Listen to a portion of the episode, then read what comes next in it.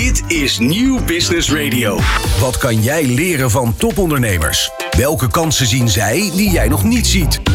De horeca, retail, e-commerce of welke branche dan ook. Dit is De Ondernemer Live met Roland Tameling. Goedemorgen, het is dinsdag 5 december, 11 uur. Het is tijd voor een gloednieuwe uitzending van De Ondernemer Live. Vandaag is mijn hoofdgast Annemijn Otte, een jonge topondernemer die haar tuinmeubelzaak op haar 14e startte in Twente, maar inmiddels heel Europa bedient vanaf haar laptop en telefoon vanuit Marbella.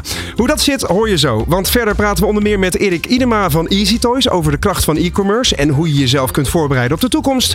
Hoor je een goede, eh, hoe een goede pitch 500.000 euro kan opleveren en blikken we met Job van den Berg terug op één jaar chat GPT.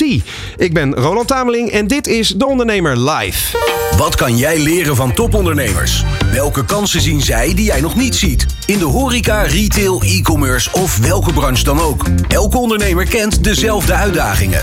In De Ondernemer Live hoor je echte ondernemersverhalen. Elke dinsdag tussen 11 en 1 schuiven topondernemers en experts aan bij De Ondernemer Live op Nieuw Business Radio. Live meekijken kan via deondernemer.nl.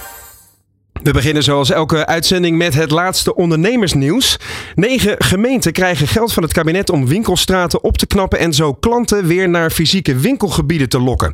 Het demissionaire kabinet trekt in totaal 26 miljoen euro uit voor zaken als gevelrenovatie, betere looproutes en meer openbare zitplekken om dorpen en steden levendig te houden. Het gaat om Apeldoorn, Emmen, Enschede, het Zuid-Hollandse Nissewaard, Sluis, Zomeren, Terneuzen, Waalwijk en Westervoort in Gelderland. In totaal zat er 100 miljoen euro in de subsidiepot en midden volgend jaar volgt de vierde en laatste ronde. Spotify heeft de grootste reorganisatie in zijn geschiedenis aangekondigd. Ruim 1500 mensen verliezen hun baan. De muziekdienst draait al 17 jaar verlies, maar deze reorganisatie is volgens directeur Daniel Eck vooral het gevolg van de vertraagde economie en de opgelopen financieringskosten. Daardoor moet de muziekdienst flink in de grootste kostenpost snijden en dat is het personeel. Spotify is niet het enige techbedrijf dat daar last van heeft, want de afgelopen maanden hebben veel grote eh, techbedrijven, waaronder Microsoft, Google en Facebook en uh, Facebook moederbedrijf Meta tienduizenden mensen moeten ontslaan. En tot slot hebben we heel leuk nieuws uit eigen keuken. De pitch. Ben jij degene met een briljant idee en ben je op zoek naar funding of een investeerder? Dit is de ondernemer pitch. Maak jouw plan wereldkundig binnen één minuut. Iedereen kent het wel. Je rijdt naar huis na een lange dag werken en je hebt geen zin of geen tijd op de kook. We worden in Nederland steeds drukker. Uh, sociale aangelegenheden, kinderen, werk, sporten, noem het allemaal maar op. Maar we willen wel gezonder eten. Nou, dat is waar wij met Thuisbest zijn op ingesprongen.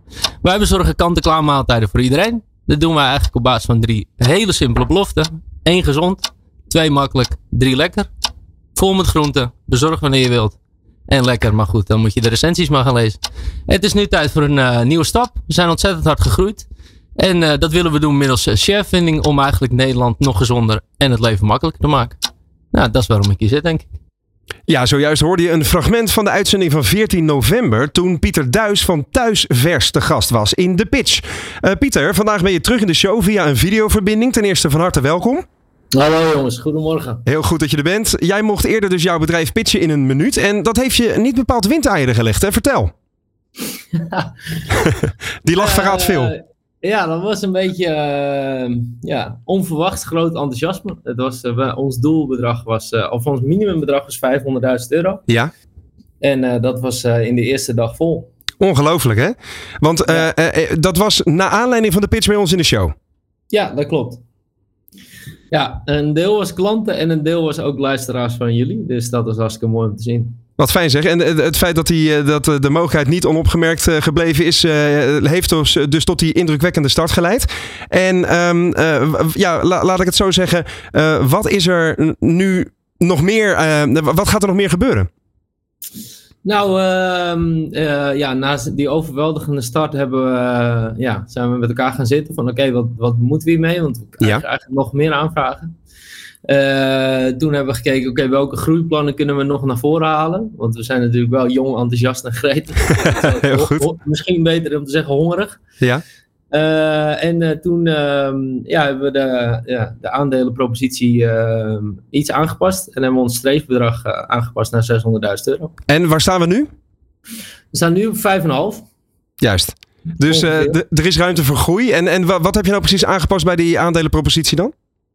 Nou, uh, ja, ons doel was eigenlijk om, uh, nou laat ik het zo heel simpel, we gaan gewoon iets sneller groeien. Ja. En dat kunnen we met hoe meer vrije cash wij kunnen hebben met onze marketingmachine, hoe sneller we kunnen groeien. Nou ja, dat gaan we nu realiseren en dat is hartstikke tof. Hoe voelt het eigenlijk om als ondernemer te merken dat je bedrijf ja, ruimte heeft om te groeien? Een, een gezonde bodem is, is om, om, om op te zaaien, zo gezegd. Nou ja, je begint drie jaar, met een droom, drie jaar geleden met een droom en dan denk je ja, weet je, dit is mijn droom. Ja. En ondertussen, als je zoveel vertrouwen krijgt van allerlei ja, redelijk onbekende mensen ook natuurlijk, of voornamelijk. Ja. En die ja, geloven in jouw visie, in jouw droom en in de groei van je bedrijf. Ja, dan is dat denk ik ja, een mooie compliment kan je denk ik niet krijgen. Nee, Um, investeren kan al in principe vanaf 500 euro hè, via Broccoli. Zo word je aandeelhouder van je bedrijf en, en deel je net als jou in, in principe mee in het, uh, in het succes. Um, uh, de, de aandelen uh, die kun je kopen via natuurlijk het groene investeringsplatform van Broccoli. En ja. um, stel, ja, laat ik het zo zeggen, je bent nog best bescheiden om het van 5 naar 600.000 op te hogen. Of ben ik dan te enthousiast? Nou ja, we hebben, we hebben gezegd, we kunnen tot 700.000. Ja. Um, uh, maar we doen het wel in fases. Dus uh, ik vind het een beetje. Uh, ik vind het wel realistisch gezien zeggen, nou oké, okay, we gaan naar 600.000. Mocht het ja, echt mensen zeggen, nou ik wil echt zoveel weer investeren, is 700.000 onze max. dus die grens hebben we. Um, en ik ga heel eerlijk met je zijn, ik denk ook dat we die wel gaan redden. Ja, ja. er, zit, er zit wel momentum nu hè? Ja, er zit momentum in, maar het is vooral. Uh, kijk, één dag 500.000 euro is sowieso ja, waanzinnig mooi. Ja. Um, en, en ook, ja, dat, dat vond ik sowieso mooi. Maar je ziet nu ook dat mensen denken: hé, hey, uh, hier, hier, moet ik bij zijn. En uh, dat is ook natuurlijk een effect wat er natuurlijk bij, bij komt. Hè. Een soort van de fear of missing out. Ja. Uh, maar ik denk niet dat die emotie zo, zozeer leidend moet zijn. Ik denk vooral dat je moet gaan kijken naar de investeringskans die er ligt en of je gelooft in de visie in het bedrijf. Juist. Uh, en ik kan me voorstellen dat er bij jou als ondernemer ook uh, iets op de loer ligt dat je denkt: het gaat nu zo lekker, ik wil meer, meer, meer. Maar dan moet je dus voor waken. Nou ja, ik denk dat dat. Uh, nou, daar heb ik niet zo heel veel last van. Okay. we hadden een aantal scenario's besproken. Ja. Dit waren de scenario's. en meer gaan we ook niet, niet doen. Of er moet echt iemand met een hele bijzondere propositie ineens komen die zegt: dat we gaan dit en dit doen. Maar gewoon op deze manier gaan we doen. Ook omdat we, ik geloof in uh, ja, stabieler groeien in plaats van uh, ja, excessief uh, kapot groeien. Maar wat bedoel je met een bijzondere propositie? Want het blijkt dus wel dat je ergens van droomt, als ik het goed begrijp. Nou ja, kijk, wij hebben natuurlijk, ehm, we zijn natuurlijk een thuisbezorgd maaltijdenmerk. Ja. Ehm, en dat is afhankelijk van verschillende factoren. Dat is afhankelijk van productie, dat is afhankelijk van bezorging, dat is afhankelijk van marketing. Ja. Uh, en daarin kunnen natuurlijk wel een aantal strategische keuzes worden gemaakt uh, voor samenwerkingen die een iets andere propositie geven dan puur en alleen geld investeren. Duidelijk. Uh, wat ook zijn waarde heeft. Dus daar, ehm, ja, daar staan we natuurlijk altijd voor op. Heel goed. Um, je hebt al eerder een minuut mogen pitchen. ik geef je nu nog één zin de ruimte om een, om een, een pitch te geven en de luisteraar en de kijker op te roepen om nog meer geld in, in thuisvers te pompen, zo gezegd. Dus ga je gang. Uh, oh, um... Ja, dat is tijdsdruk, hè? ja, ja, mooi man. Uh, wil je van, uh, van jou, um, laat ik zo zeggen, wil je investeren in een gezond en lekker bedrijf en heb je zin in een mooi avontuur, dan moet je eens kijken op thuisvers.nl of broccoli.nl. Nou, heel goed. Volgens mij is de boodschap duidelijk. Uh, dankjewel Pieter Duis van Thuisvers. Gefeliciteerd met het uh, uh, behalen van deze mijlpaal op naar de 6 ton en meer. Tot zover het nieuws. Je luistert naar De Ondernemer Live. Elke dinsdag live van 11 tot 1 met Roland Tameling. Ja, en met Annemijn Otten hier bij mij in de studio. En Annemijn, ik ben toch even benieuwd. Zo'n zo'n zo'n lekkere kickstart via Broccoli is toch een, een gedroomd begin van een, uh, van een bedrijf. Uh, ben jij, heb jij wel eens een enorme investering binnengehaald voor jouw bedrijf? Nee. Nee? Is dat Nee. nooit nodig geweest of ben je er nooit mee bezig geweest? Nou, tot nu toe is het nooit nodig geweest. Nee. Maar ja, ik ben er ook nooit mee bezig geweest. Hey, en, en voor de duidelijkheid, uh, je bent onze hoofdgast van deze aflevering van de Ondernemer Live. Uh, je bent de eigenaresse en oprichter van Countrywood. Um, ja, en, en uh, mensen die de ondernemerswereld al een beetje volgen, die weten jouw verhaal. Je bent er ook redelijk sinds kort pas mee naar buiten getreden. Hè? Ja. Want toen jij 14 was, ik ga toch even een soort notendop doen. Toen jij 14 was, ben je begonnen, ben je bij de KVK binnengelopen en heb je je bedrijf opgericht. Um, in een notendop, wat doe je, op, waar ben je mee begonnen en wat doe je nu? Nou, waarmee ben ik begonnen? Uh, handel via marktplaats. Best wel simpel, geen strategisch plan. Nee. En daar ben ik echt ingerold. Dus voor je beeldvorming, toen ik heel jong was, had ik echt een passie voor online. Ja. Dus ik hield mij bezig met uh, nou ja, computerspelletjes, uh, jailbreken van de iPhone, ja, ja, dat ja. soort zaken. En later ging ik eigenlijk handelen via marktplaats. En op een gegeven moment kwam mijn vader met het idee om tuinmeubelen te gaan verkopen van stijgenhout. Ja, dat was toen En- een trend, hè? Dat was toen een trend. En toen ehm, nou ja, dachten we, hey, weet je wat we doen? We gaan gewoon een pilot doen via Marktplaats. Eh, een aantal eh, producten ingekocht, verkocht. En Ja. eh, toen is het balletje gaan rollen. Ja, en dat balletje is dus heel, op, op een heel ehm, voorspelbare manier gaan rollen bijna. Want het is heel langzaam, maar heel prettig gegroeid, als ik het goed begrepen heb. Ja, ja, ja, nou niet voorspelbaar denk ik. Want ik had niet echt verwacht dat dit eruit zou komen. Oké, Maar het, ja, het is gewoon zo gelopen. ja. En eh, ja, daarom zit ik nu hier. Ja, ongelooflijk hè? Zo snel kan het gaan. Ja. Eh, want je zegt, eh, je, ik had niet verwacht dat, ik, dat het hierop zou uitkomen. Wat is dan hier? Wat is de huidige situatie? Nou, de huidige situatie is een e-commerce bedrijf in heel Europa. Ja. Met een enorme diversiteit aan producten. Denk hierbij aan tuinmeubelen, hekwerk, maar ook producten als een authentieke pipowagen. Ja. Dus een ja, enorme diversiteit aan producten. En ehm, in het begin alleen in Nederland, toen ook in België. En op dit moment in heel Europa. Ja, En dat eh, ben ik nu verder aan het uitbouwen. ja bijzonder. En op dit moment staan er 3500 producten online. Ja. En voor het einde van het jaar moeten dat er 10.000 zijn. Dat is eh, best flink, ja. Ja. Nou, over die uitbreiding gaan we straks verder praten. Maar nog even terug naar, naar de, de, de nog jongere Annemijn, wat mij betreft. Eh, je, je zegt dus net, ik heb eigenlijk nooit ehm, investering hoeven binnen te halen. Nooit echt met het bedrijf hoeven, hoeven leuren in zekere zin. Hè? Maar je bent begonnen met, laten we zeggen, een investering van je vader toen de tijd. Hè? Die, die heeft een, een lading stijgerhout gekocht. En, en daarmee is de, is de onderneming gaan lopen. Klopt. Ehm, wat zijn, wat jou betreft, als je terugkijkt naar die eerste tien jaar, je bent nu 25, hè? Ja. Ehm, de grootste hobbels die jij hebt moeten overwinnen. Nou, dat waren er heel veel. Ja, nou, daarom En- hebben we twee uur de ja. tijd, Annemijn. Dat, Nou ja, je je, je kan helemaal los. Ja. Nou ja, allereerst, eh, je moet natuurlijk doorzetten. Ja. Want eh, ja, als je een bedrijf begint, dan eh, komen er heel veel tegenslagen. En in mijn geval, ik begon zonder strategisch plan. Ja. Dus dan, ja, je gaat gewoon lekker je ding doen. En mijn ding doen was, ja, met name alles met online. Daar was mijn passie, dat vond ik leuk en nog steeds. Maar als jij een bedrijf begint, komt er veel bij kijken. Ja. Dus je krijgt, eh, nou ja, je klantenservice moet je gaan doen. En nou, ja, als je 14 bent, is dat best wel een dingetje. Mhm. Vervolgens krijg je te maken met wet en regelgeving. Daar moest ik me ook in verdiepen. ja. Eh, dan heb je wellicht hè, inkoop, klachten. Dus er komt heel veel bij kijken. En het allerbelangrijkste is dat je er zelf in blijft geloven. Mhm. En ik had, ik, ik had gewoon echt geloof in mezelf en in mijn plan. Ehm, maar hij was niet echt een strategisch bedrijfsplan. Nee. Maar ik had wel gewoon een plan. Online handelen. Ja. That's it. Dat Ja. was mijn plan. Ja. En hoe ik dat ging doen, ja, dat wist ik niet zo goed. Maar dat, eh, ja, dat is gewoon gaan rollen. En ik doe nu iets wat ik heel leuk vind. En nu is er echt een strategisch plan. Ja. En dat is vooral eh, nou ja, op dit moment Europa veroveren. Mhm. Eh, veel producten die ik heb zijn niet overal in Europa beschikbaar. En ik woon zelf nu in Marbella. Ja. Toen ik daar ging wonen, had ik een inboedel nodig. Dat was best lastig te krijgen. Oké. Eh, er wa- wa- was niet heel veel aanbod. Mhm. De winkels die er waren, waren of veel te duur, of het was eh, niet echt mijn stijl. Dus uiteindelijk heb ik in Nederland alles gekocht. De volledige inboedel en één transport die kant op gestuurd. Oké. Eh, wat natuurlijk niet heel duurzaam is, want het liefst koop je het natuurlijk daar. Mhm. Maar ehm, ja, het was daar gewoon moeilijk om aan te komen. En toen, toen ging ik daar eigenlijk wonen. En toen dacht ik, ja, hier is dus ook nog een hele markt. En met name ook de Nederlanders en Belgen die daar wonen of een tweede verblijf hebben. Ja. Ja, die willen gewoon graag zaken doen met Nederlanders. En aan de ene kant hè, gewoon om de taalbarrière, want Spanjaard spreekt niet zo goed Engels. Mhm. En aan de andere kant, omdat ik natuurlijk, eh, nou, ik doe het al tien jaar, ik heb goede reviews. eh, Ja. eh, ik ben, ben nu transparant te zien wie erachter zit.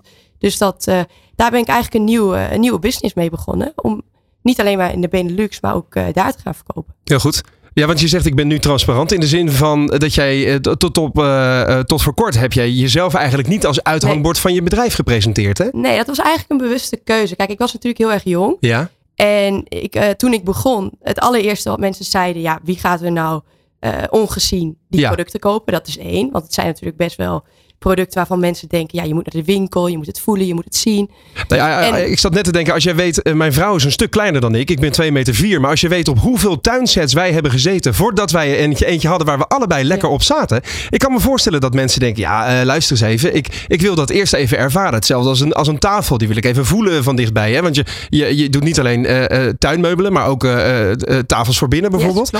maar dat bleek dus in de, in de realiteit niet zo te zijn. Nou ja, eigenlijk uh, merkte ik dat consumenten ook wel iets op afstand wouden kopen. Ja.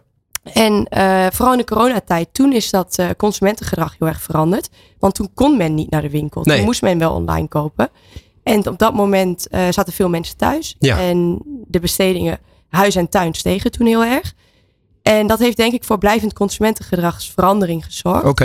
Waardoor mensen nu zoiets hebben van, ja, ik bestel het gewoon online. Ja. Als het niet goed is, stuur ik het wel weer terug. Wat ook kan. Ja. En, uh, maar om nog terug te komen op je vraag van net. Uh, allereerst zeiden ze dus van ja, mensen willen dit zien, mensen willen dit kopen mm -hmm. in een winkel. En aan de andere kant zeiden ze ook, ja, wie gaat er nou ongezien geld overmaken naar een kind? Oh ja. Dat was natuurlijk nummer twee. Ja. Dus toen dacht ik, ja, ik, ik moet me eer, mezelf eerst bewijzen. En op een later moment kan ik wel hè, naar buiten komen met mijn verhaal. Mm -hmm. En toen was ik tien jaar verder en toen kreeg ik al regelmatig wat aanvragen vanuit de pers. Maar ik zei vaak uh, nee, omdat ik ook dacht van ja, je moet het verhaal ook goed vertellen. Mm -hmm. En op een gegeven moment had ik zoiets van, uh, nou ja, ik vind het ook wel leuk om het uh, wel te gaan vertellen. Aan de ene kant omdat uh, ik merk dat mensen toch wel graag willen weten wie en wat er achter een bedrijf zit. Ja. Helemaal als je in mijn, in mijn branche kijkt, de, de, bestedingen zijn hoog. Mensen geven veel geld uit. Ja, waar moet ik dan aan denken gemiddeld? Um, nou ja, gemiddeld is lastig om te zeggen, maar het gaat van een bestelling van 2500, dat zijn lage bestellingen, tot 50.000 euro. Ja. Dus het zijn wel flinke bedragen. En het zijn ook bedragen wat je niet niet vaak doet. Het zijn aankopen die je echt niet, uh, niet jaarlijks doet, denk nee. ik zelf. Nee. Want dus bij 50.000 euro heb je het bijvoorbeeld over een blokhut die mensen in hun tuin zetten ja. om, uh, om een Airbnb in te beginnen of ja, iets dergelijks. Ja, bijvoorbeeld. Ja. Dus toen, nou ja, toen dacht ik van ja, nu kan ik mijn verhaal wel gaan vertellen. En ik vind het ook leuk om de jongere generatie te inspireren. Want ja. Ja, om gewoon het verhaal te vertellen hoe, hoe het kan lopen. En hoe je vanuit je passie eigenlijk een, een leuk bedrijf kunt opzetten. Ja, maar die, die digitale passie is duidelijk. Je bent daar dus, je vond het leuk om daarin te duiken. En ook de, de fijne kneepjes een beetje van de technologie, eh, technologie te ontdekken. En dat zorgt er natuurlijk voor dat je relatief vroeg op de golf zat. Waar andere mensen later op zijn gaan, gaan surfen. Ja, ik heb de boot niet gemist. Nee, mooi om even in deze beeldspraak ja. te blijven. Heel fijn. Um, maar wat, ik mij, wat mij opviel toen ik jouw verhaal een beetje aan het onderzoeken was, is dat er ook wel essentiële momenten zijn geweest. Waardoor je uh, toch wel wat, wat harder op die golf bent gaan surfen. Want een goed voorbeeld vond ik het feit dat jij op je zestiende, geloof ik, tijdens de apres-ski iemand hebt ontmoet. Ja. Die toevallig in de branche zat waarin jij wilde doorgroeien. En dat blijkt dan ook weer te werken. Dus in die zin, uh, je zegt net nou, het, is, het hangt niet van toevalligheden aan elkaar. Maar in zekere zin Um, voelt het dan wel zo voor mij als buitenstaander? Ja, eigenlijk wel. Of is het meer ja. zo'n zo'n punt van uh, je komt zo iemand tegen en daarna is jouw kracht dat je doorpakt? Nou, dat sowieso. Kijk, je moet wel daarin, uh, je moet het wel zelf doen. En op dat moment had ik ook kunnen denken van ja, ik ben 16, ik durf niet op die man af te ja, stappen. Zoals de meeste leeftijdsgenoten ja, zullen zeker. hebben waarschijnlijk. Ja. Als jij iets wilt bereiken en uh, ja, wilt groeien, moet je stappen zetten. En ja. op dat moment was ik op wintersport met een vriendin. En zij was 10 jaar ouder, dus zij was 25. Dus mijn leeftijd nu. Ja? Zij wou veranderen après ski natuurlijk. en dat was haar plan. Ja. En mijn plan was gewoon, ja, ik vond skiën leuk. Ik was 16, dronk nog geen alcohol. En we zaten niet op ski. En ik zat daar eigenlijk gewoon erbij. En ik vond het wel leuk. Maar ja, ja ik was daar niet... Uh, als, als alle mensen dronken zijn, zit je er best wel bij van ja... Wat doe ik hier? Ja, een beetje Ja, wel. En ja. ik was een beetje met die mensen aan het kletsen. Best wel serieus. En eh, toen zei een van die mensen daarvan... eh, hij doet ook in tuinmeubelen. Loop even naar hem toe. Nou dus ik er naartoe gelopen. Toen bleek het dus een, eh, de eigenaar te zijn van een groothandel in outdoor. En echt een grote partij. Ja. En eh, ja, hij vond mijn verhaal leuk. Hij gaf ze een kaartje en hij zei, eh, bel me maar. Dus toen kwam ik thuis weer in Nederland. En toen ja, heb ik hem opgebeld en naartoe gegaan. En toen mocht ik dealer worden van zijn producten. Mhm. Normaal gesproken, als je dealer wou worden daar, was best wel wat traditioneel. Dan moest je een pand hebben. Ja. Zoveel vierkante meter voorraad moest je hebben. Nou ja, dat was er natuurlijk niet. En ik mocht eigenlijk op een eh, hele toegankelijke manier mocht ik daar dealer worden. Mhm. Met ook eh, flexibele betaalregelingen. Waardoor ik eigenlijk door hem op weg ben geholpen.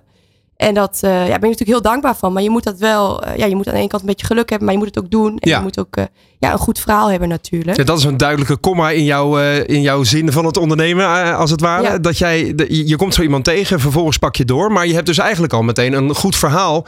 en ook een, een, een, duidelijke verdeling in, in de taken bijna van, van, van zo'n samenwerking. Is dat een belangrijke les? Ja, zeker. Kijk, en op het moment dat iemand, uh, hè, die man die geloofde op dat moment in mijn verhaal. Ja. En ik ben nog steeds dealer. Dus het is daarin ook wel een beetje, ja, mes aan twee kanten. Ja. Uiteindelijk heeft hij daar nu, heeft hij gewoon een, een goede dealer die ja. wat afneemt. Maar op dat moment had hij er zelf natuurlijk nog niet zo heel veel aan. Nee. Iemand die een, uh, ja, een paar producten inkoopt. Dus dan moet je natuurlijk wel uh, ja, langere termijnvisie. Dat heb ik zelf ook. En dat is uh, heel belangrijk in het bedrijfsleven. Ja, je komt ook uit een ondernemersgezin. Is dat iets dan wat jou uh, met de paplepel is ingegoten? Ging het vroeger aan de ontbijttafel over zaken doen? Ja.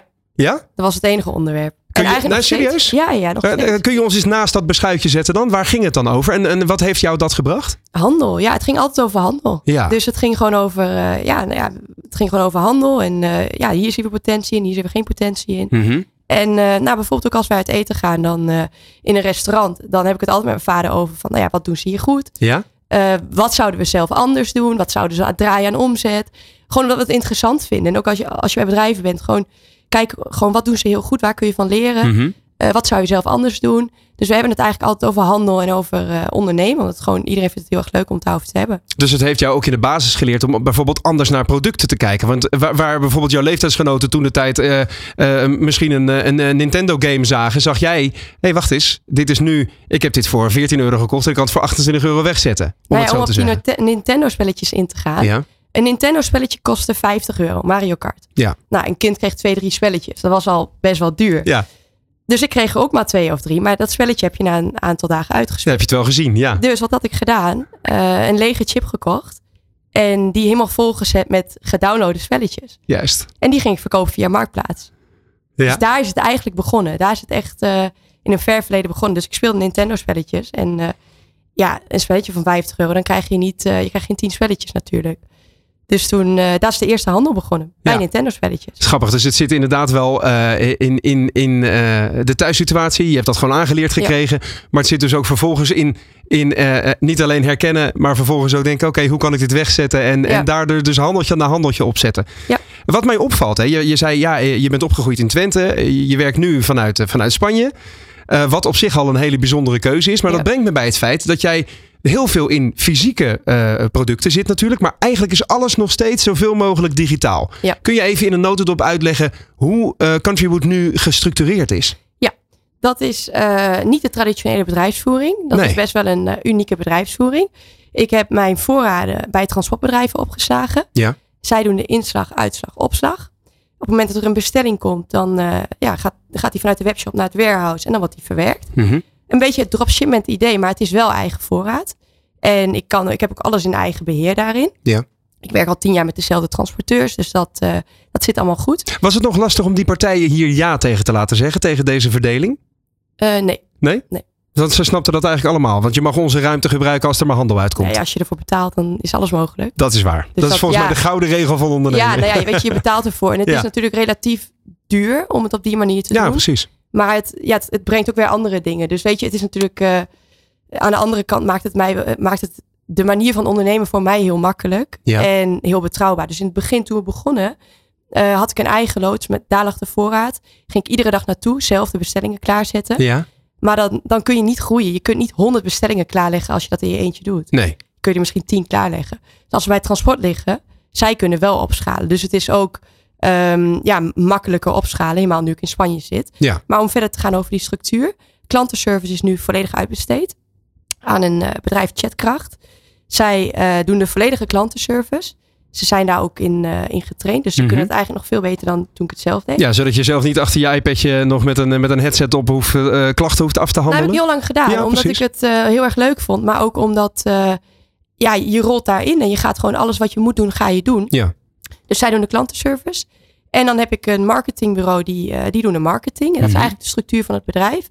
Waarin ik nu zelf uh, niet meer zoveel operationeel bezig ben, maar met name strategisch. Waardoor ik ook kan groeien. Want doordat ik heel veel zelf heb gedaan altijd, was ik zelf mijn grootste, ja, ik beperkte mezelf in groei. Ja. En nu ben ik vooral bezig om strategisch verder te gaan met groei en goede mensen op de, op de taken te zetten. Maar één onderdeel van die strategie is geen mensen in vaste dienst. Hè? Je hebt alles een soort hyperflexibele schil. Ja. Kun je dat uitleggen? Ja, dat is wel een bewuste keuze. Aan de ene kant omdat je, als je bijvoorbeeld marketing, als je daar één iemand voor aanneemt, dan uh, krijgen ze best wel een tunnelvisie. Op een gegeven moment zien ze alleen nog maar tuinmeubelen en hout. En, uh, Want zo doen we dat nu eenmaal hier. Ja. Dat gevoel. Ja. En uh, nou, ik heb daar dan een marketingbureau voor, die, die daar ook iedere dag mee bezig zijn. Mm -hmm. Maar ook voor andere partijen. Dus die leren heel veel in het werkveld. En ik geloof meer in die strategie. En ik, ja, het is niet per definitie goedkoper. Maar voor mij levert het meer op. Dus het is ook niet dat dit per definitie een tip is aan collega-ondernemers die zeggen: jongens, hou, hou je eigen team zo klein mogelijk. Hoe bedoel je? Nou, in de zin van dat je dus geen, geen vaste collega's om je heen verzamelt. Wat natuurlijk eigenlijk de geëikte manier van ondernemen is. Als je een bedrijf bouwt, krijg je steeds meer collega's die op de payroll zijn, eh, staan. En, en, uh, maar jij zegt eigenlijk, nou, uh, als je het zo efficiënt mogelijk wilt, wilt doen. Niet zozeer zo goedkoop mogelijk, maar wel met het juiste effect. Uh, dan is het uh, handiger om geen vaste collega's te hebben, maar juist mensen die je flexibel aanhaakt. Nou, ik denk in de traditionele bedrijven dat het gewoon nog hè, op een payroll dat je daar je mensen op zet. Maar Ja. hoe we nu zaken doen, denk ik dat het veel meer deze kant op gaat. En uh, ja, voor de nieuwe generatie zou ik het eerder op deze manier adviseren. Ja. Uh, want ja, je kunt ook van mensen af. Je hebt, geen, uh, je hebt niet echt verplichtingen. Nee. Dus dat, kijk, op het moment dat de samenwerking niet bevalt, dan ja, zeg je het op. Je hebt eigenlijk ook geen last van alle, laten we zeggen, uh, um, klassieke nadelen van het ondernemerschap dan wel het werkgeverschap. Ja, precies. Ja. Ik zie in je ogen meteen dat je dat heel relaxed vindt. Ja, ja, ja. Niet dat gezeur van alle, van Nou alle regeltjes. Ja, Ja. ja. Hey, en um, qua strategie dan, we gaan daar straks nog, nog uitgebreid over door. Um, uh, kun, kun jij uitleggen hoe je nu die route hebt uitgestippeld uh, sinds dat moment, zeg maar, dat je nou een beetje van lukraken, toeval, kans van naar kans naar kans tegenkwam naar een gestructureerde toekomstvisie? Ja, wat ik dus merkte, wat ik net ook al zei, dat ik zelf mijn grootste, uh, ja, de, de, groei eigenlijk remde. Ja. En dat ik op een gegeven moment kreeg ik ook als tip van, um, op het moment dat jij uh, nodig bent in het bedrijf, dan is het eigenlijk niks waard. Zou je het ook nooit kunnen verkopen. Want ja, wat, wat verkoop je dan? Jezelf. Jezelf, dat, dat ja. gaat niet. Nee. En op dit moment heb ik niet de ambitie om het te verkopen, maar ik heb wel de ambitie om te kunnen groeien. Mm -hmm. En dan moet je toch een bedrijf uh, zo inrichten dat het, uh, dat het schaalbaar is en dat uh, de beste mensen op bepaalde plekken neerzet. En de zaken waar ik zelf um, goed in ben en leuk vind, die doe ik zelf. Mm -hmm. En zaken waar andere mensen beter in zijn, die besteed ik uit. En ja, ik ben nu een strategie aan het bedenken om, om het internationaal wat meer uit te bouwen. Ja. En dat gaat eigenlijk heel goed. Want de basis ligt in de Benelux, hè, zei Ja. je eerder. Uh, maar je doet dus ook veel met mensen uh, in, in Spanje, Portugal, Italië, Frankrijk. Ja, ja, ja. Uh, zijn het dan voorna voornamelijk Nederlanders die daar een tweede huis hebben? Of ga je ook heel bewust op die lokale bevolking zitten daar? Op dit moment zijn het voornamelijk Nederlanders en Belgen die daar een tweede verblijf hebben of daar wonen. Ja. En op den duur zou ik de lokale bevolking ook kunnen aanspreken. Maar dan moet het allemaal iets, uh, ja, dan moet het toch allemaal wat beter uh, op de rit zijn. Ja. En op dit moment uh, ben ik dat aan het uitbouwen. Dus dat is wel het, het doel uiteindelijk. Ja. Maar ik doe bijvoorbeeld ook veel handel in Duitsland. Kijk, waar ik zelf vandaan kom, is natuurlijk vijf minuten van Duitsland Ja, af. ja. Dus ik ben sneller in Duitsland dan hier. Ja. En um, ja, dus die grensregio pak je natuurlijk ook makkelijk mee. Duidelijk. We gaan uh, straks nog uitgebreid door over, uh, over de, uh, de plannen die je onder andere hebt om een, een soort marktplaats yes. te gaan uitbouwen. Hè? maar eerst gaan we het hebben over de webwinkel vakdagen. Elke dinsdag een andere inspirerende ondernemer te gast tijdens de Ondernemer Live. Van 11 tot 1 live op Nieuw Business Radio. Ja, over, uh, inspirerende, uh, nee, over inspirerende uh, ondernemers gesproken. Dit wordt een heel interessante. Want deze meneer die nu bij mij in de, in de studio zit, die weet heel veel over dat vlak. Want wie actief is in de wereld van e-commerce, wil uiteraard zoveel mogelijk resultaat halen uit die digitale activiteiten. En om je daarmee te helpen, worden binnenkort weer de webwinkel vakdagen gehouden. Op 23 en 24 januari 2024 om precies te zijn. En wat je daar kunt leren, hoor je vandaag alvast voor een deel van Erik Idema, chairman van de e-com groep, dat onder meer Easy Toys onder haar vleugels heeft. Erik, van harte welkom. Ja, dankjewel. Je bent uh, vanmorgen vanuit een besneeuwd Nederland, uh, Noord-Nederland, uh, hier naartoe gekomen. Nu in een, in, in Hilversum zonder sneeuw. Fijn dat je er bent. Um, ja, e-commerce. Je zei zelf al tegen mij eerder van ja, ik, ik, ik ben niet echt een, een e-commerce gigant. Want ik heb vooral zes, zeven bedrijven onder, de, onder mijn vleugels. Hè? kun je eerst even schetsen nog wat de e-com groep doet? de e-com groep is actief in de, de sexual wellness. Ja. En waarin wij twee hoofdactiviteiten hebben. Een, B2B stuk hebben wij daarin. En een B2C stuk. Ja. we zijn, met de B2B tak zijn we actief in 150 landen. Waarin wij allerlei sexshops beleveren. En, maar ook andere mainstream retailers inmiddels. Mm -hmm. bijvoorbeeld de Jumbo, de Hema, de Hunkemuller, de Shell bijvoorbeeld. Ja. Dat soort partijen beleveren wij. En aan de B2C kant zijn we actief en richting de eindconsument. met onder andere Easy Toys in Nederland en België voornamelijk. Ja. in Duitsland met het merk Amorelli zijn we daar de, de tweede marktleider zijn we daar. Maar ook in Noorwegen hebben we twee formules. Condomeriet in uh, Nietelsen. Mm -hmm. En, uh, ja, in, uh, en in Engeland hebben wij nog een uh, vestiging met Nexus. Opvallend wat je zegt is dat je niet alleen digitaal gaat, maar juist steeds meer samenwerkingen zoekt met, met een, laten we zeggen, de stenen retailers in zekere zin. Hè? Is dat een, een, een heel duidelijke strategie van, van de, de, de laatste tijd? ja, want kijk, om de, als je kijkt van onze branche, ehm, vecht altijd met bijvoorbeeld met de Google. Hè, ja. Onder andere. Hè, met de, en met de Facebook, de meta's. En wij zijn echt op zoek, zeg maar, hoe kunnen wij ons echt een merk gaan bouwen. En uh, Easy Toys uh, leent zich daar ook voor. Mm -hmm. En daarmee zijn wij gewoon samen op zoek. En we zijn inmiddels ook na 15 jaar gewoon de expert in deze categorie. Ja. We weten alles op het gebied van productveiligheid. Hoe we onze producten moeten verschepen. Hier naartoe. En in welke kwaliteit er moet zijn. En vanuit daaruit zijn wij ook bezig zeg maar, om het merk te verbreden. En dat doen wij dan inderdaad via de stenen winkels. Mhm. Onder andere met de samenwerking met een Jumbo en Hema. Uh, want daar zien wij ook gewoon onze eerste klanten uiteindelijk die we daar kunnen vinden. En vanuit daaruit de, de, eerste gebruiker. En vanuit daaruit wordt een bepaalde expertise opgebouwd. Ja. Naar de expert. En vanuit daaruit ja, zien we de, die klant uiteindelijk wel naar, ook, ook online naar ons toe komen. Duidelijk. Ik blijf nog even haken bij het, uh, uh, de opmerking die je net maakt. wij vechten een beetje met de meta's en de Googles van deze wereld. Wat bedoel je daarmee? Ja, kijk, als je ja, tuinmeubels of ja. nee, maar, of, Parasols. Je, bijvoorbeeld badkamertegeltjes kan verkopen, dan, ja. dan heb je geen restricties op adverteren op Google of, of op Facebook. Juist. Of, en, en, daar vechten wij inmiddels altijd al jarenlang mee. Want die acceptatie, zeg maar. Dus Google die bestempelt ons uh, eerder als porno, maar wij denken dat dat niet zo is. Hè? Wij, wij brengen mooie producten voor uh, in de slaapkamer, ja. Uh, onder andere. En, en het is een verrijking van je, van je sexual well-being. Ja, vandaar ook de, de term sexual wellness, Sexual wellness. is veelzeggend. Ja, ja, en, ja. en dus daarmee zijn we gewoon continu mee in gesprek. Dus we adverteren uiteraard wel op Google en op Facebook. Ja. Maar, of in ieder geval wel op Google, maar Uiteraard, aan de ene kant wil ze ons geld wel hebben, maar aan de andere kant vinden ze ons minder leuk, zeg maar. Dus op deze manier loop je een beetje tegen de grenzen aan van, de, van, het, van het digitale zaken doen. Klopt. En Ja. daarom ben je eigenlijk altijd op zoek naar de next, naar de next step, zeg maar. Ja. Hoe kun je dan je merk bouwen op een andere manier? Ja, en, en dus dat doen wij dus via de mainstream uh, kanalen. Onder andere doen we dat. Ja. Maar ook via andere opvallende marketing stunts, uh, uiteraard. Ja, zo zag ik afgelopen week zelfs dat jullie een uh, groot deel van het concert van André Hazes hebben voor Easy Toy, om het zo te zeggen. Ja, klopt. Ja. Dus we, we, zijn eigenlijk de nieuwe, de nieuwe partner geworden van André Hazes. Ja, ja. tijdens dat event. En ja, op die manier was heel Ahoy roze gekleurd hè, in onze huisstijl. Helemaal een Easy Toys event.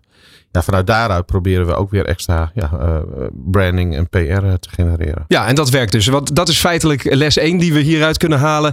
Uh, of eigenlijk al twee lessen. Van je, digitale business kan versterkt worden door samenwerking met fysieke zaken waar mensen je producten zien liggen en dus ook gaan gebruiken. Dus dat gaat elkaar versterken. En punt 2, wees vooral niet bang om, om ook in het echte leven nou, op een wat brutalere manier zichtbaar te zijn. Ja, klopt. En, en, als je alleen maar focust op online, dat, dat kan ook natuurlijk. Ja. Maar ik denk dat het voor onze branche heel goed geschikt is om meerdere kanalen uh, te betreden. Ja. Ik denk dat uh, eigenlijk voor elk e-commerce bedrijf zou ik dat ook wel uh, willen adviseren. Je wil niet afhankelijk zijn uiteindelijk van één partij, bijvoorbeeld een Google of een Meta. Dus ja. je moet gewoon breder kijken. Heel goed. Maar nu sta jij zelf binnenkort ook met, met jouw verhaal uh, op de webwinkel vakdagen. Hè? Daar kunnen mensen van jou leren. Op 23 en 24 januari. Maar uh, wat gaan we daar van jou leren? Nou, ik, uh, ik, ik, ga iets vertellen over mijn, ja, hoe ik zie hoe een, een succesvol e-commerce bedrijf geleid moet worden. Hè? Ja. Welke stappen heb ik ondernomen en waarom wij in al succesvol zijn geworden. Kun je al drie tipjes van een sluier oplichten? Nou, ik vind één, één tip, zeg maar, de, dat is wel van voor elk e-commerce bedrijf, dat de logistiek is eigenlijk wel gewoon de basis voor elk e-com bedrijf. Hè? Dus als jij een bepaalde belofte doet uh, naar je klant toe, moet je het ook gewoon kunnen waarmaken. hè? Mhm. Dus als je zegt voor 12 uur bestellen, moet je het ook voor 12 uur regelen. En ook in de juiste verpakking, dat het bij ons, eh, vooral discretie is heel erg belangrijk. Ja. En, dus dat, dat stukje moet je waarborgen. Maar ook bijvoorbeeld een, een, een tip is bijvoorbeeld ook, uh, nou, zorg dat je met je IT, zeg maar, dus als het iets wel succesvol is, dat je opschalen is doorschalen. Hè? Dus zorg dat je systemen gewoon goed mee kunnen. Ja. En ten derde dat je gewoon in controle bent. Hè? Dus als je groeit, hè, dus ook op het gebied van finance. Hè? Dus uh, ook die stappen heb ik ook. Uh, en daar heb ik wel, uh, ook wat dingen in gedaan. Had ik eerder in moeten geschakelen. Okay. Maar, finance moet ook bijvoorbeeld gewoon heel hard mee kunnen groeien. Je mhm. moet de groei kunnen managen. Hoe had je dat anders dan gedaan in jouw ervaring? Ehm, hoe bedoel je? Nou, je zei dat, dat, je, dat je een aantal punten uh, waar je van geleerd hebt in het, in het verleden. Bijvoorbeeld dat, dat snellere opschalen van, van je financiële uh, achterkant van het bedrijf, als ik het goed begrijp. Ja. wat had jij dan in retrospectief anders gedaan nu je dat weet? Ja, bijvoorbeeld met, met hosting providers heb ik wat bepaalde keuzes gemaakt. Dacht van nou, goedkoop is duurkoop. Ja. En, en, had ik, ik dacht dat ik het iets goed had gevonden. Maar uiteindelijk bleek ik drie dagen offline te zijn. Op dat moment kostte dat uh, een tonnetje per dag. Maar als ik dat inmiddels zou doen, uh, dan ga je praat je over miljoenen per dag. Kijk. Dus het is in feite van, ja, je moet altijd ehm, eh, toch weer iets verder kijken dan je neus lang is. En, mhm. eh, en niet altijd voor de goedkoopste gaan, zeg maar. Kijk, nou ik hoop van harte dat de ondernemer die kijkt en uh, luistert zit mee te schrijven. Want dit zijn al, dit zijn al mooie zaken. En je vertelde me dat je, dat je een aantal inzichten gaat delen over hoe je een, een e-commerce bedrijf sustainable houdt. Hè? Dus niet alleen duurzaam op, de, op de, ja, de, de, ecologische manier, zeg maar. Maar vooral ook op de, de zakelijke, de business-wise, zo gezegd. Hoe zorg je dan dat je dat je zo'n bedrijf uh, ja, toekomstproef krijgt? Nou, ik denk dat, dat je moet. Uh, sustainable is een organisatie bouwen is voor mij op heel veel vlakken. Dus dat is ook op het gebied van finance. Hè? Dus als je gaat kijken van. Dat je de, naar de business toe ook de juiste data kan geven. Dus naar een richting vanuit finance gaat werken. Dat, dat je vanuit dat je de marketingteams, het inkoopteam, de juiste informatievoorziening kan brengen. Bijvoorbeeld. Ja. Sustainable is ook dat je uh, met, op gebied van HR, hè, dus dat je gewoon de juiste mensen op de juiste plaats hebt en dat je ze ook kan uh, uh, nou, trainen zeg maar, voor de toekomst. Hè? Dus dat je ze aandacht geeft, want personeel is natuurlijk een schaars goed aan het worden en, ja. en die moet je zien te behouden. maar ook op het gebied van ja, inkoop natuurlijk. Hè? Dus als je daar praat over sustainable, ja, van wij zijn niet het schoonste jongetje van de klas natuurlijk. Uh, wij importeren veel uit Azië bijvoorbeeld. Ja, met alle logistieke bewegingen. Ja, dus hoe kunnen, we, hoe kunnen we dat uh, reduceren? Hoe kunnen mhm. wij minder plastics uh, aan onze verpakkingen toevoegen? Hoe kunnen wij het reduceren van lucht? Dus op heel veel vlakken kunnen wij zeg maar nou, ons verbeteren. stappen zetten. Kunnen we echt stappen zetten. Ja. Maar ook bijvoorbeeld op het gebied van data. Hè? Dus we hebben, tot voor kort hadden we geen data te zien, een jaar geleden. Ja, we hebben nu een, een heel uh, professioneel datateam opgezet. Ja, die geeft zoveel insights naar alle business toe. Mhm. Ja, waardoor je gewoon nog steeds beter en scherper wordt. En waar je gericht kan, uh, uh, kan gaan sturen, zeg maar. Wat is er in jullie geval dan aan het licht gekomen door het inzetten van zo'n datateam? Nou, dat je bijvoorbeeld op, uh, op het gebied van inkoop, bijvoorbeeld, dan zie je van bepaalde categorieën. Denk, je denkt dat je heel veel private label hebt georganiseerd, bijvoorbeeld. Ja. En dat je gewoon uh, ziet dat je bepaalde categorieën nog niet hebt gedaan. En dus daar zien daar weer uh, mogelijkheden. En uh, dat je weer marge kan ontwikkelen in die bepaalde categorieën bijvoorbeeld.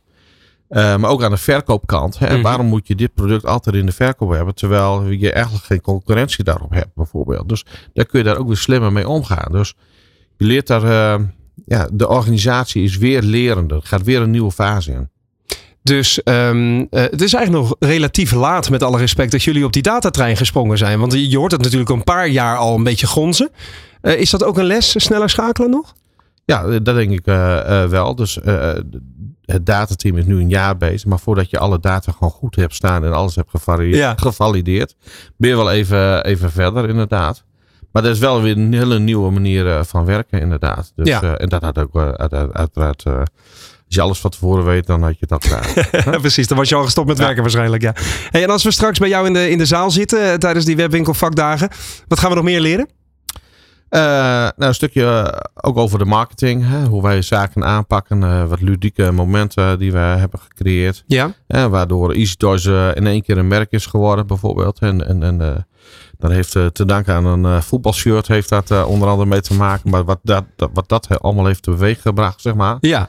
Daar ga ik iets over vertellen. Dus een beetje de trucs hoe je headlines kan scoren in zekere zin? Ja, maar ook ja, gewoon de, de, de manier van marketing. Dat we ook, er zijn voldoende ludieke manieren om op te vallen, zeg maar. Wat niet altijd direct geld hoeft te kosten. Nee, nee. Ja. Dus, dus uh, ook een beetje durf weer. weer. Absoluut. Ja. Durf, uh, absoluut. De durf en lef zit altijd in, in, in dit merk verweven.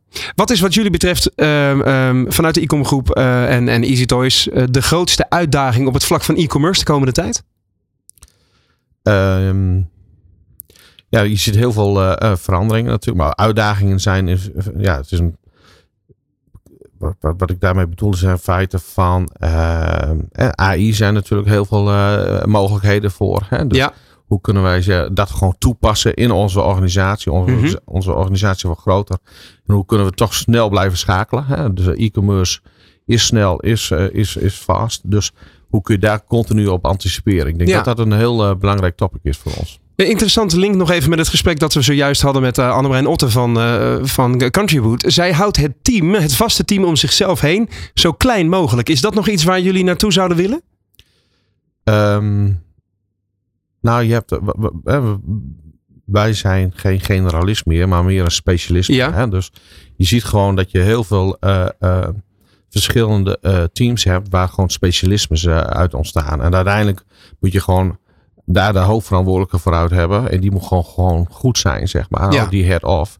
En die moet zijn team aan kunnen sturen. En ik verwacht van hem of haar dat, hij, dat die snel gaat schakelen op bepaalde topics. Heel goed. Dus ook zorgen dat je, dat je die kwaliteit in ieder geval wel aan boord houdt. Absoluut. Dus met, goede mensen kun je, met een paar goede mensen kun je heel veel doen. Mooi. We gaan het zien op 23 en 24 januari 2024, Erik, tijdens de webwinkel Vakdagen in de jaarbeurs in Utrecht. Dan vindt de 17e editie plaats en dan kun je dus ook het, het verhaal van Erik Idema, de chairman van de e-com groepen, onder andere van Easy Toys, uh, uh, ja, meekrijgen en daarvan leren. Hartelijk dank, Erik. Dankjewel.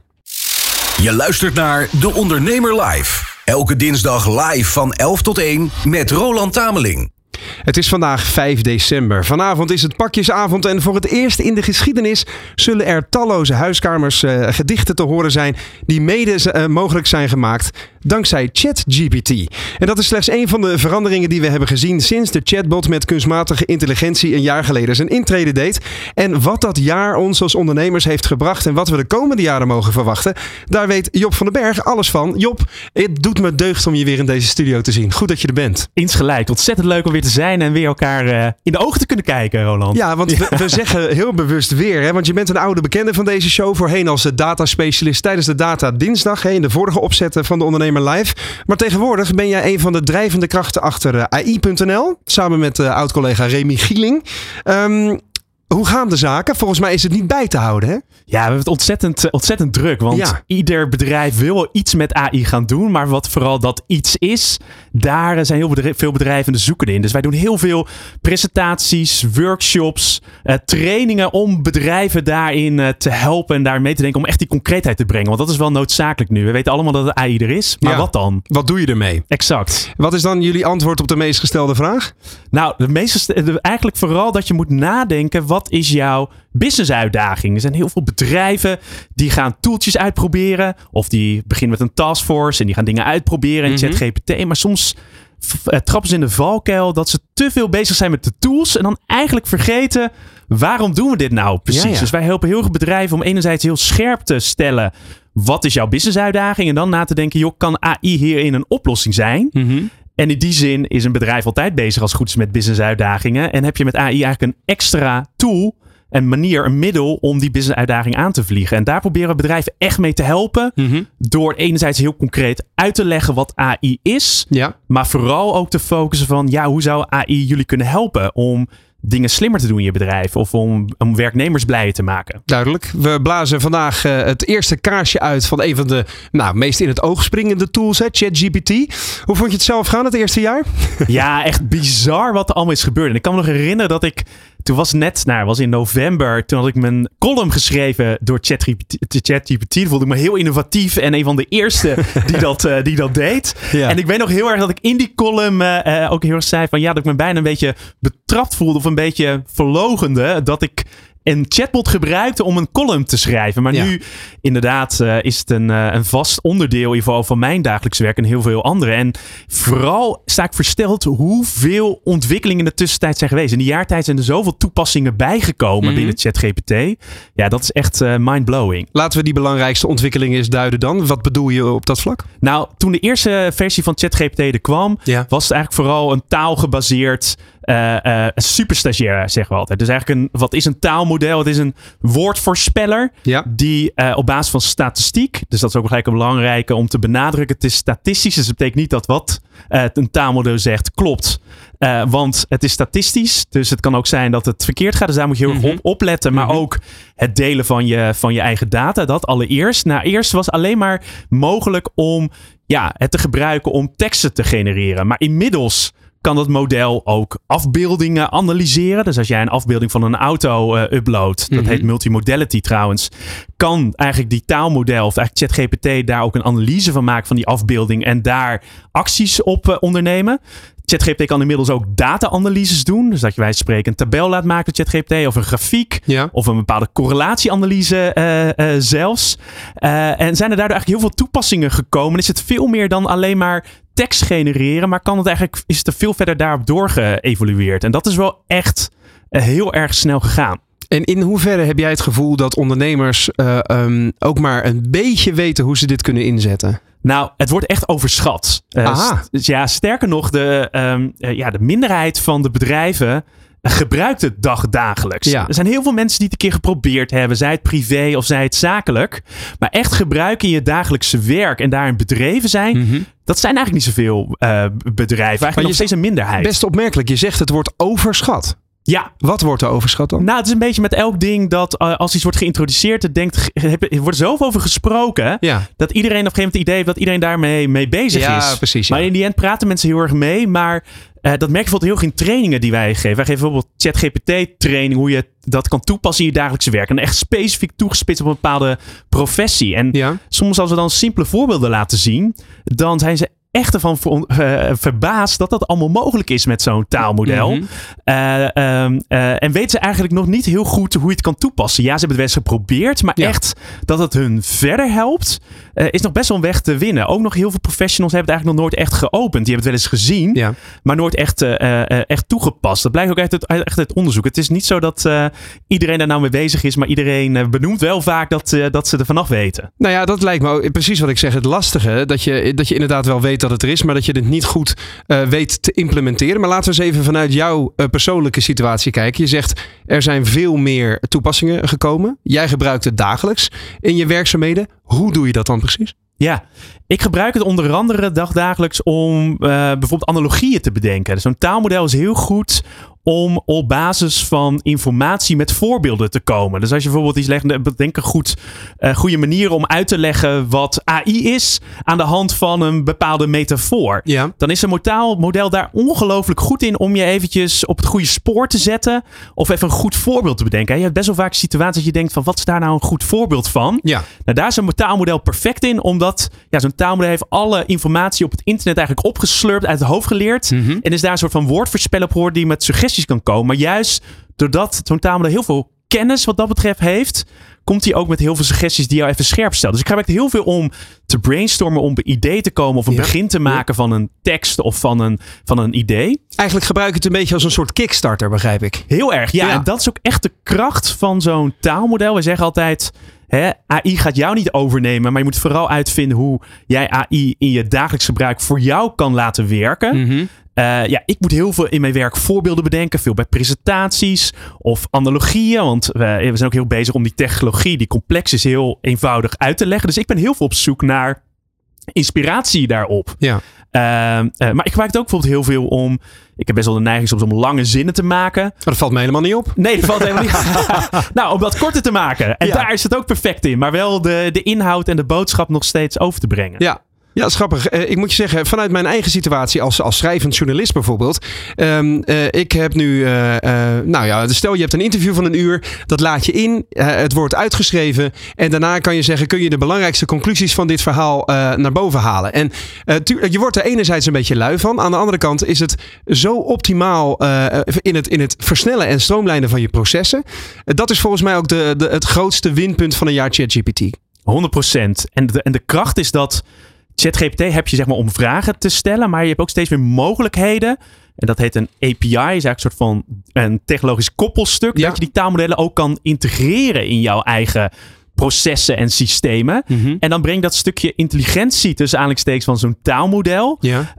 Uh, zet je eigenlijk in je systemen om daarmee ook op je dienstverlening te, ver, te verbeteren. Dus om, om echt een hele goede chatbot bijvoorbeeld te ontwikkelen. En daar zit inderdaad de kracht om het ook echt ja, onderdeel te laten maken van je bedrijfsprocessen. Dat is mhm. eigenlijk denk ik een beetje de volgende stap die nu gemaakt moet, uh, moet worden. Dan alleen maar dat, die chatfunctionaliteit. Maar hoe weet je dan welke uh, uh, API's je eraan moet koppelen en welke tools je moet inzetten? Want dat is natuurlijk ook een soort vijver waarin heel veel krielende vissen zwemmen. Ja, en dat is heel erg vergelijkbaar met 30 jaar terug toen het internet opkwam. Ja. Toen hadden we ook zo'n moment dat we dachten: jeetje, wij, ze kunnen digitaal verbonden zijn. We kunnen dingen opslaan. We kunnen digitaal communiceren. Mm uh, dat is nu ook een beetje gaan dat we realiseren: hey, met zo'n taalmodel kunnen we heel veel ongestructureerde informatie gestructureerd maken. En zo'n taalmodel kan de context begrijpen. Ja. En dat we nu realiseren van: hey, als we dat nou eens combineren met, ik bedoel maar wat, onze klantenservice systeem. Of als dat nou eens combineren om ons facturatieproces slimmer te maken. Uh, uh, daar zit een beetje de, uh, de, de crux in. Wat begint, kijk, dat technisch moeten mensen gelijk weer vergeten. Dat wordt wel gefixt. Maar denk mhm. eerst eens na, hoe zou het je kunnen helpen in je, in je dagelijkse processen? Dat is denk ik de eerste vraag. En daarna wil je natuurlijk de juiste partijen aankoppelen voor die implementatie. En heb je daar nog een tip voor? Nou, wij hebben zelf ook een, uh, een bedrijf. Ja, dat dacht ik wel. dat dacht ik, daar komt hij. ja, er zijn heel veel bedrijven die het doen, die zeg maar eigen tools hebben. En er zijn heel veel bestaande systemen. Hè? Bijvoorbeeld uh, bekende grote facturatiesystemen, eh, CRM-systemen, die komen natuurlijk ook allemaal met AI-oplossingen. Daarnaast heb je heel veel losse tools. maar wat wij bijvoorbeeld doen met ons bedrijf, de Automation Group, dat we naast AI.nl hebben, is echt die technologie implementeren, eigenlijk op maat gemaakt. Helemaal binnen jouw eigen systemen. Dus dat helemaal onderdeel wordt van je eigen werkprocessen. Ja. Uh, er zijn eigenlijk gewoon verschillende smaken. Net zoals eigenlijk in het, in het internet uh, tijdperk kwam. Dat je een eigen website kan hebben, maar dat je het ook kan integreren in jouw systemen. Ja, dat klinkt inderdaad als een, als een, een dienst waar veel ondernemers uh, dankbaar gebruik van zullen maken. Um, we hebben het nu, uh, we zijn allebei van nature positief ingesteld. Hè? We denken in mogelijkheden, in kansen, in, uh, in, in een, een zon die brandt, zeg maar. Maar er zijn natuurlijk ook wel valkuilen en zaken waar ondernemers voor moeten oppassen met het gebruik van kunstmatige intelligentie en ChatGPT. Um, wat zijn wat jou betreft de belangrijkste? Van joh, let op. Ja, het allerbelangrijkste is dat uh, de gratis variant van ChatGPT, dat de data die je aan deelt en informatie, dat die worden gebruikt voor trainingsdoeleinden. Mm uh, dus als je gevoelige bedrijfsinformatie in deelt, dan wordt dat eigenlijk gebruikt om het model te trainen. En sterker nog, kan ook iemand anders die informatie tegenkomen. Er zijn een aantal uh, ongemakkelijke voorbeelden van, onder andere bij Samsung. Dus Vertel. dat is, nou, wat daar gebeurde, die waren bezig met de, een code van een, uh, om een nieuwe chip te ontwikkelen. Ja. En uh, je kan zo'n taalmodel ook heel goed gebruiken voor code reviewing. Dus dat betekent eigenlijk, je hebt een code getypt voor, voor je programmering. Ja. en dat je daar bugs, eigenlijk fouten uit gaat halen. Nou, die deed het in de gratis variant. Waardoor de conculega's van Apple daarachter kwamen dat Samsung bezig was met die chip. Sterker nog, ze konden die code achterhalen. Dus dat is één ding. Wees voorzichtig met, met, met uh, gevoelige informatie. Daar kun je een, een workaround op ontwikkelen. Want er zijn nu ook oplossingen voor dat het in een beschermde omgeving die data worden gedeeld. Mhm. Maar als je gratis variant hebt, is dat een hele belangrijke. Uh, uh, het tweede is het feit dat, ik zei het al, Kijk, zo'n taalmodel, zo'n ChatGPT en ook, je hebt ook andere taalmodellen, bijvoorbeeld van Google, dat heet BART. Je hebt de verschillende. Hè, dat is geen tovermachine. Sommige mensen denken echt, wauw, fantastisch. Dit gaat me zo erg helpen. Maar je moet heel goed opletten, het is een statistisch model. Uh, dus dat betekent niet dat het altijd correct is. En dat model heeft geen bewustzijn. Het is gewoon een woordenvoorspeller. Dus dat betekent dat je heel kritisch moet zijn hoe je het gebruikt. Daarom zeggen we ook altijd, het is een super stagiair. Ja. Het helpt je op weg bij je dagelijkse werk. Dus dat is het tweede. Dus maar inhoudelijk altijd even nalezen. Altijd nalezen en gebruik het vooral als hulpmiddel. En Mhm. niet als een, ja, dit kan ik één op één eh, eh, overnemen. Nee. Eh, dus dat is een tweede. Eh, eh, dat zijn eigenlijk wel eigenlijk de allerbelangrijkste om in oogschouw te nemen. En het laatste is ehm, ja, duurzaamheid. Er zijn heel veel ronkende servers nodig om die analyses te doen. Ja. Eén vraag, het ChatGPT staat gelijk aan één uur deze studiolampen aan te hebben staan. Dus het kost heel veel, ja, heeft een hele grote impact op het klimaat. Ja. Daar kan je als gebruiker niet zoveel aan doen, maar wel heel belangrijk die bewustzijn. En ook dat AI echt wel een, eh, een, eh, eh, nog niet perfect is, ook vanuit die technologische opzicht. Dus jouw boodschap is dan, doseer je gebruik? Doseer gebruik en nou, wees er vooral bewust van Ja. dat, hè, dat vind ik altijd heel belangrijk als mensen met zo'n taalmodel leren werken, begrijpen wat de voor's en tegens zijn. En daar ook informatie over overbrengen. Dan, dat is dit een heel belangrijk ding. Dus het is vooral bewustzijn en dat je als bedrijf daarover nadenkt en daar bepaalde richtlijnen voor bedenkt. Net zoals Ja. je richtlijnen hebt bijvoorbeeld over het gebruik van data in algemene zin in een bedrijf. Voor eh, 2024, het eh, tweede jaar eh, ChatGPT. eh, de grootste dreiging wat jou betreft? Nou, de grootste dreiging is vooral dat we heel erg afhankelijk zijn natuurlijk van een aantal grote techpartijen. Ja. ChatGPT is van OpenAI. Nou heeft Microsoft een hele belangrijke steek, steek in. Eh eh, Bart is van Google. hè. Mhm. Als we die modellen gaan gebruiken en integreren in je vitale bedrijfsprocessen, wordt tegelijkertijd ook afhankelijker van grote techpartijen. En eh, er komt EU-wetgeving aan die ervoor zorgt ook dat er nou ja, negatieve toepassingen, zoals bijvoorbeeld gebruik maken om bepaalde voorspellingen te doen die je niet wil voorspellen, maar ook bijvoorbeeld het transparantie opgaat van algoritmes. Dat geldt is minder van kracht in, eh, in Amerika, die daar ook mee bezig zijn, maar wel andere eh, regels en principes op nahouden. Ja. Dus het- ik denk vooral die afhankelijkheid eh, is een, eh, een belangrijk om in oogschouw te, te hebben. Heel goed. Eh, Job, we kunnen hier nog vaker, hier moeten we ook maar eens vaker over doorgaan, want we kunnen eindeloos hierover doorpraten. De laatste vraag, heel snel. Heb jij zelf ook Sinterklaas gedichten met AI gemaakt of niet? Nou, sterker nog, wij hebben een tool gelanceerd. Samen met de Amsterdam Data Collective. Sinterklaasgedichten.ai. Dus je kan hem nog snel gebruiken vandaag. En dat is inderdaad een ja, Sinterklaashulp. Heel goed, heel goed. Dankjewel Job van den Berg namens AI AI.nl en The Automation Group. Ehm, tot zover het eerste uur van de Ondernemer Live van vandaag. Straks praat ik verder met Annemijn Otte over het opzetten van je eigen marktplaats annexbol.com in je eigen branche. Kruipen we eh, dichter naar de finale van de AFAS Young Business Award van dit jaar. En hoor je Clay Distillery uit Rotterdam in de pitch. Graag tot zo. Wat kan jij leren van topondernemers? Welke kansen zien zij die jij nog niet ziet? In de horeca, retail, e-commerce of welke branche dan ook. Elke ondernemer kent dezelfde uitdagingen. In De Ondernemer Live hoor je echte ondernemersverhalen. Elke dinsdag tussen 11 en 1 schuiven topondernemers en experts aan bij De Ondernemer Live op Nieuw Business Radio. Live meekijken kan via deondernemer.nl.